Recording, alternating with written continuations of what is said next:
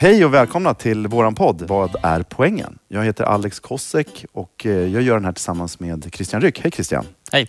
Eh, Du är då psykiater och forskare på Karolinska institutet i Stockholm. Mm. Och din granne också. Vi är ju vänner och jag producerar programmet. Och vi pratar om ämnen som vi tror intresserar många som hur folk lever dubbelliv, hur bekräftelse funkar på internet, Varför eh, man ljuger.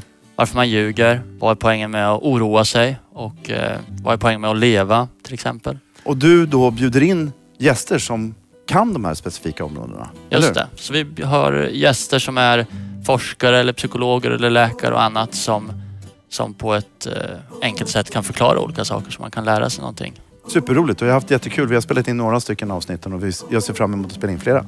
Så om du tycker det här är intressant och vill lyssna mer på det här så tycker jag att du prenumererar på våran podcast. Vad är poängen? Med Alex Kosek och Christian Ryck. Välkomna! Alex, Mm. eh, du är ju jättesocial säger alla om dig. Eller hur? Jag vet men... eh, Jag, mm, Du, du har ju till och med sagt till mig att du har aldrig fått ett jobb på kompetens utan bara på att vara social. Ja men det, det kan nog stämma. Jag vet inte om jag har sagt det. Jag tror att du... Men... Eh, Alla är lurade. Eh, alla är lurade. Ja. Ja. Men du är ju en av de få personerna som kan få mig att känna mig väldigt stel. Att jag, jag kan känna mig som en revisor bredvid dig för du är så väldigt social. Men du är ju psykiatrins Indiana Jones.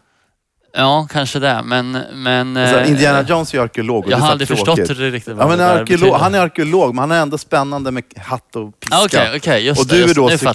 psykiatriker som kanske tror att det är egentligen... Men i själva verket är det ju...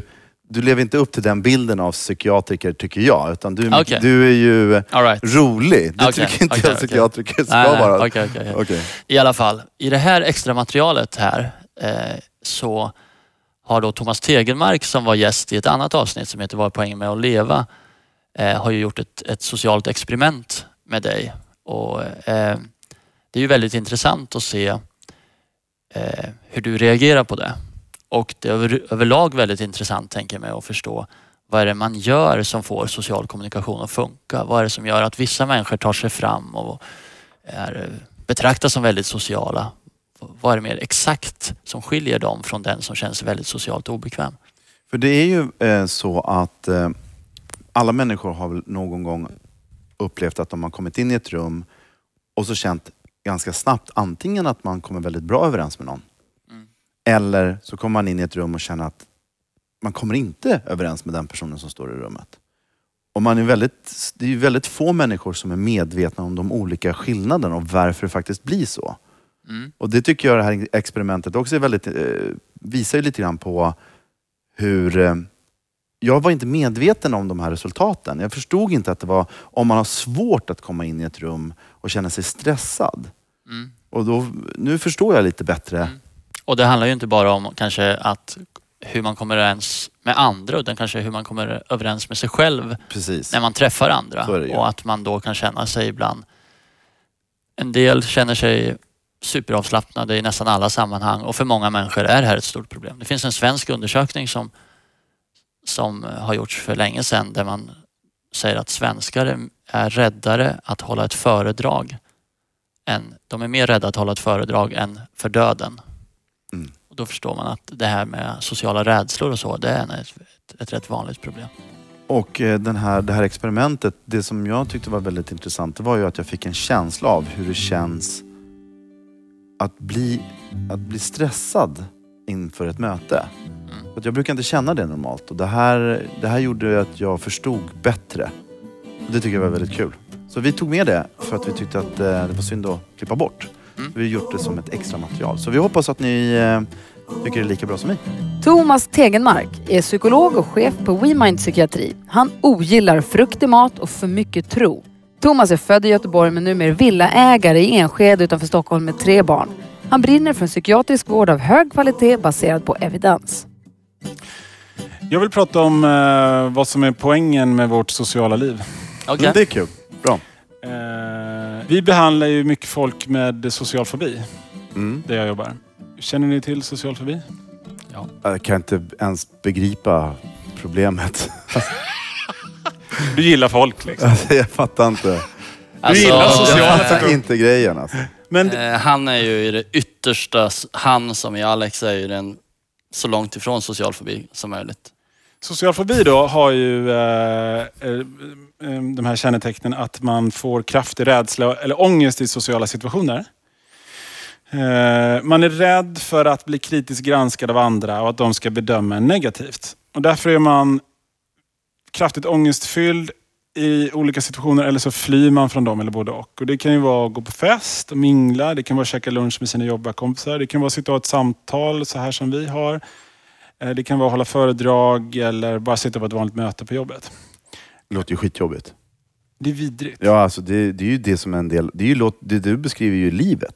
Det är ju det det är. Ja, Men alla de grejerna måste man ju göra. ja. Och det här är intressant med psykisk ohälsa för att personer som har olika psykisk ohälsa, deras situationer förekommer ju olika ofta. En anorektiker möter ju sina situationer varje dag, för vi måste käka. Någon som har social fobi möter situationerna jätteofta också. Någon som har spindelfobi, inte särskilt ofta. Så man liksom drabbas inte lika frekvent. Eh, om man har social fobi, och särskilt kraftig sån, så blir ju livet till ett litet helvete. För vi förväntas ju vara ganska sociala. Och precis som du säger, de dyker upp överallt de här situationerna. Ja, just det. Eh, och då är man ju rädd för det här att någon ska vara arg på en. Det är ju en mardröm för en social fobiker. Det, det var därför jag tänkte på den här situationen. Eh, och samtidigt så finns ju, precis som du beskriver Alex, några av de mest härliga och meningsfulla situationerna finns ju när man sitter med andra människor. Utbyte av livet. Det är ju livet, säger ja. du. Mm. Det är ju utbytet av det som är det intressanta tycker jag. Just det. Och vet du hur man behandlar vanliga fobier som spindelfobi, höjdfobi och sånt där? Det lilla jag kan om KBT då bara är väl att man successivt närmar sig de olika eh, områdena som, man, som skapar obehag. Ja, och vad händer då? då? Man inser att det, var inte, var, det, det är ingenting att vara rädd för utan provar man det så inser man att de förutfattade meningar man har kanske man inte hade fog för. Ja, och det är den kognitiva delen i K i KBT, kognitiv beteendeterapi. Och sen så finns det en, en känslomässig del som innebär att ens ångest och obehag minskar också samtidigt. När man utsätter sig för de här sakerna mer och mer. När man har stått på treans eh, höjd på hopptornet i 20 minuter så kan man till slut stå där utan att känna någon rädsla. Mm. Och då har man ju under många år, sedan 50-talet, testat det här på olika rädslor och fobier. Och det har ju funkat alldeles utmärkt. Man eh, botar upp mot 90 procent av fobier. För ormar, och höjder och spindlar och sådär. Så har man testat samma sak på folk med social fobi och då har man bara nått 50 procent. Och det här har varit en gåta länge. Tills ett forskarlag i Storbritannien, i Oxford, under ledning av en professor som heter David Clark, började intressera sig för det här problemet. Så David Clark och hans medarbetare satte sig ner med sociala fobiker och började intervjua dem. Och fråga dem i detalj, vad händer i dig när du sitter på en middag och pratar? Vad tänker du på? Vad känner du för någonting? Och då gjorde de en upptäckt. En stor upptäckt skulle jag säga. Som gjorde att eh, resultaten förbättrades markant. Så nu når vi 75-80% av patienterna som blir bra på de behandlingar som sen skapades utifrån de här eh, undersökningarna. Kan vi inte göra ett litet experiment? Mm. Eh, och så eh, kan jag berätta om upptäckten sen. Absolut, vi provar. Vi låtsas att du och jag är i ett fikarum på ett jobb. Mm. Och eh, då ska du få en liten instruktion. Eh, jag ger dig en lapp. Christian ser inte den här. Eh, läs den och berätta inte vad som står. Mm. Och mitt förslag då är att vi ska ha ett samtal, du och jag. När jag knäpper med fingrarna, då börjar det samtalet. Mm. Då får vi prata om vad som helst, men vi får inte prata om den här övningen. Du får inte avbryta den och säga så här, ja nu blev det fel. Jag fattar, eller nu jag känner jag så här, fattar. ja. Mm. Och när jag knäpper med fingrarna, då är övningen över. Mm. Och du ska till 100% fokusera på det som jag skrev på lappen till dig. Mm. Wow, jag älskar det. Jag fattar precis. Ja, intressant. Det är det du ska göra. Ja. Du måste lyckas med det. Mm. Är du beredd? Wow. Ja, jag fattar. Gud vad härligt. Är du beredd? Ja, jag är beredd. Ja. Tja! Tja, läget? Det är bra. Hur är det själv? Jo, det är bra. Ehm, vad eh, händer på jobbet då?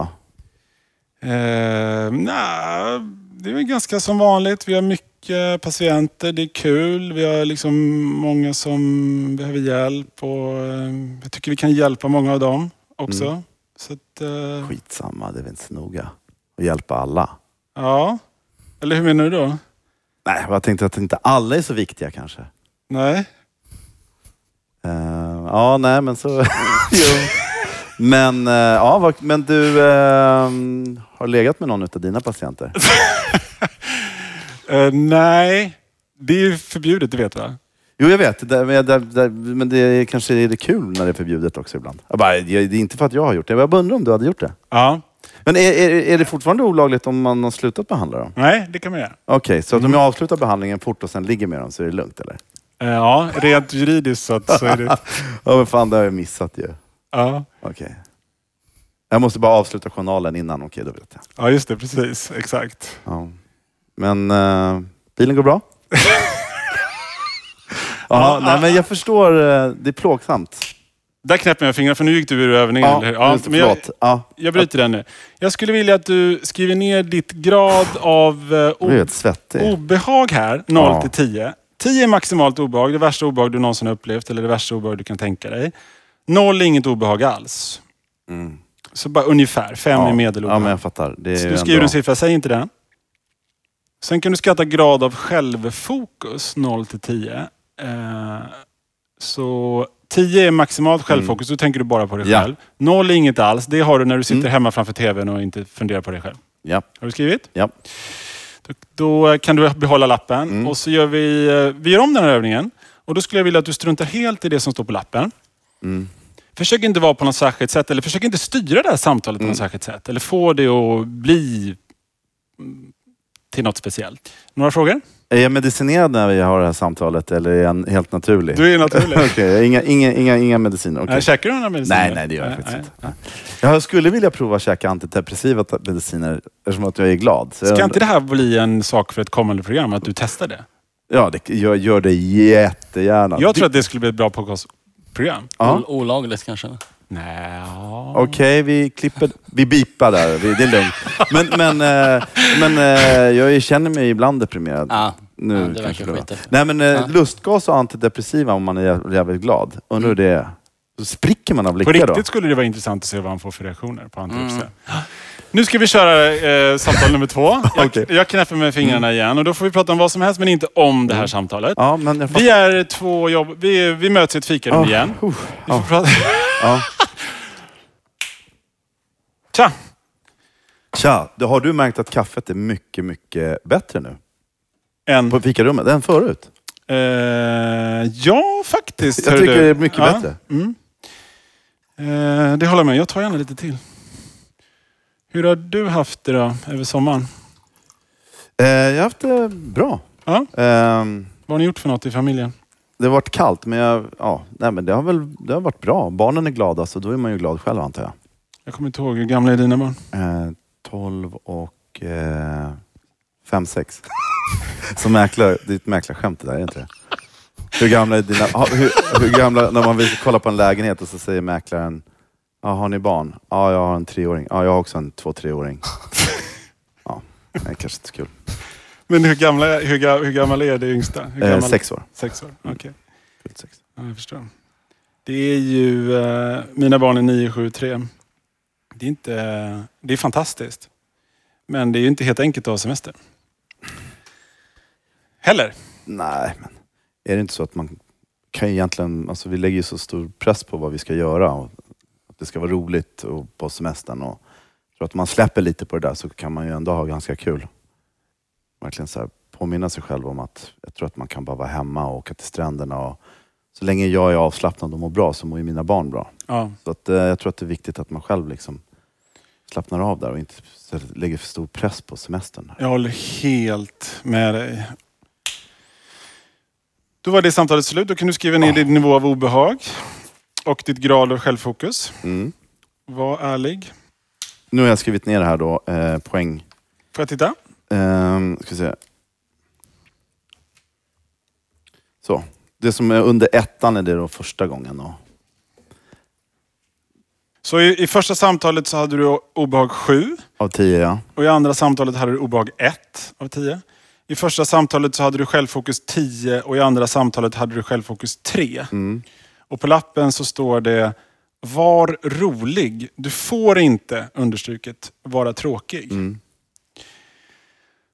Poängen med den här övningen var att illustrera upptäckten som Clark och hans kollegor gjorde när de djupintervjuade sociala fobiker i Oxford. De märkte att de social, personerna med social fobi höll på med någonting under exponeringarna. Så när man skickar ut dem i exponeringsbehandling så ägnar de sig åt något som vi kallar för, de kallade för, och vi nu alla kallar för säkerhetsbeteenden. Och det gjorde att de inte fick någon exponeringseffekt. Ångest Vad betyder exponeringseffekt? det betyder till exempel att, eh, att obehaget går ner Ah. när man utsätter sig för en situation. Så att obehaget går ner när man står på treans höjd eller håller i en spindel. Det hände ju inte för de här sociala fobikerna. Det var ju bara 50% som blev bra jämfört med 90% för andra fobier. För, för att de har någon slags försvarsmekanism som de höll på med under behandlingen. Det, det troliga är då att när de, de eh, det vi vet det är att många med social fobi ägnar sig åt sådana här saker. De har kata specifika katastroftankar kring sociala situationer. Till exempel, jag får inte vara tråkig. Och då formar man ett sånt här säkerhetsbeteende. Jag måste vara rolig hela tiden. Och då befinner man sig i sitt eget huvud istället för att vara i samtalet. Och då får man ingen riktig kontakt med situationen. Så man får ingen liksom, effekt att, att ångesten eh, går ner. Dessutom så blir det ju lite konstigt. Jag vet inte, vad säger du Christian om de här två samtalen? Vad var ditt intryck, du som satt vid sidan och tittade? Jag var jäkla nyfiken på vad det stod på lappen faktiskt. För Alex betedde sig jättekonstigt i första. Var det så? Ja, och var, andra gången var det ju väldigt normalt. Och när du säger betedde sig konstigt, hur tedde sig samtalet för dig i det första samtalet? Ja, det blev inte riktigt någon, något samtal utan det blev lite mer stelt och väldigt olikt honom dessutom. Så när du säger, som när jag frågade dig tidigare i vårt samtal, vad är, det som, vad är det som händer när man utsätter sig för något man är rädd för? Då var det första du sa så här, man märker att det inte är något, det händer inget farligt. Ja, att man inser att, ja precis, de förutfattade meningar man har om någonting man exponeras för är inte så farligt kanske ändå. Ja. Och eh, det som händer för folk som har social fobi, i det här fallet då, om någon håller på så här i sitt huvud, när han eller hon Att man lägger pressen att jag måste vara rolig Ja. att fungera, jag ska vara normal här nu. Mitt föredrag ska vara det bästa någonsin. Ja. Ja. Eh, och det som händer då, resultatet, är ju att det blir inte så kul samtalet. Nej. Nej, jag, jag försökte ta det där på allvar, för jag kände ju direkt att jag tog ut snusen. Jag kände att jag ska, försöka, jag ska nu försöka bidra här nu till det här testförsöket. Mm. Och nu när vi spelar in och- och- också, eftersom att vi spelar in en podd här, Mm. så kände jag så här, okej nu ska jag verkligen försöka leva upp till det du skrev. Mm. Och under den tiden så då kände jag ju att jag blev... Jag började tänka, jag hörde, försökte fokusera på vad du sa, men jag slutade tänka för jag började förbereda mig. Mm. Jag började missa liksom små bitar som du sa för att jag började foka på mig själv. Mm. Och saker så här, vad kan jag säga nu? Hur kan jag göra? Och då kände jag att vad du var ute efter. Att jag började förstå. För jag brukar inte känna så. Nej, Jag, brukar, det där, jag tänker inte på, jag sätter ju ingen krav på mig själv. Jag har ingen press. just det. Så det var jävligt intressant faktiskt. För jag, kunde, jag levde mig in i det verkligen. Du menar, eh, strålande tycker jag.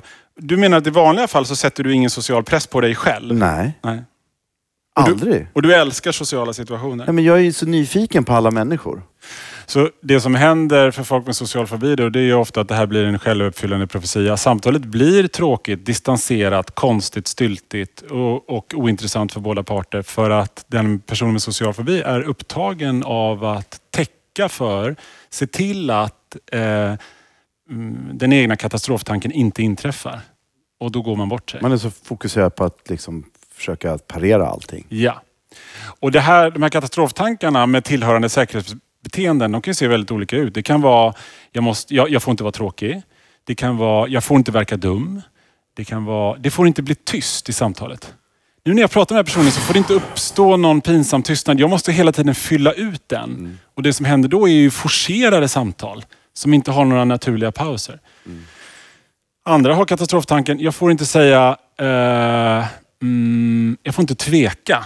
Utan jag måste ha ett eh, tal som är klanderfritt och hela tiden flyter på så här utan några tveksamheter. Då blir det också konstigt. Så att, Men du är ju aldrig tyst Thomas. nej. För andra skälet. Men vad är, vad är det då våra föräldrar har gemensamt, Thomas? Dina och mina då? För att jag känner igen mig i det du pratar om. Jag tror att eh, du är inte alldeles...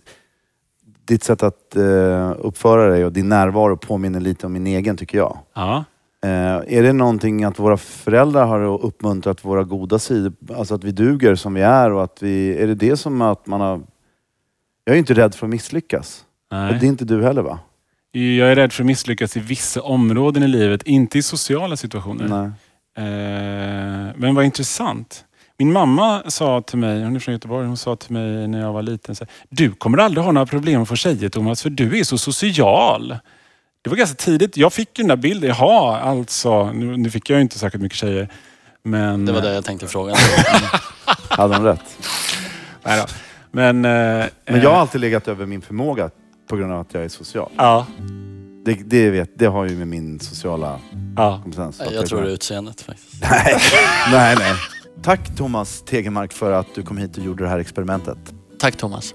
Och du som lyssnar, om du vill lämna kommentarer eller ställa frågor eller föreslå nya ämnen till oss så kontakta oss jättegärna på info.vadarpoängen.se. Vad är poängen utan prickar? Just det. Eller vad, om man går in på vadarpoängen utan prickar.se så finns ett formulär där. Ja. Och skriv gärna kommentarer eh, och betygsätt oss på iTunes och liknande också om ni vill.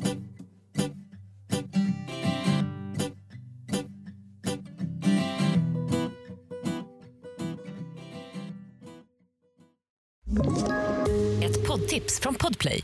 I podden Något Kaiko garanterar östgötarna Brutti och jag, Davva, dig en stor dos skratt.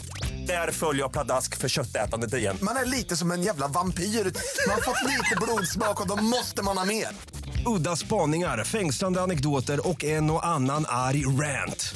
Jag måste ha mitt kaffe på morgonen för annars är jag ingen trevlig människa. Då är du ingen trevlig människa, punkt. Något Kaiko, hör du på Podplay. Därför arkadeinerna.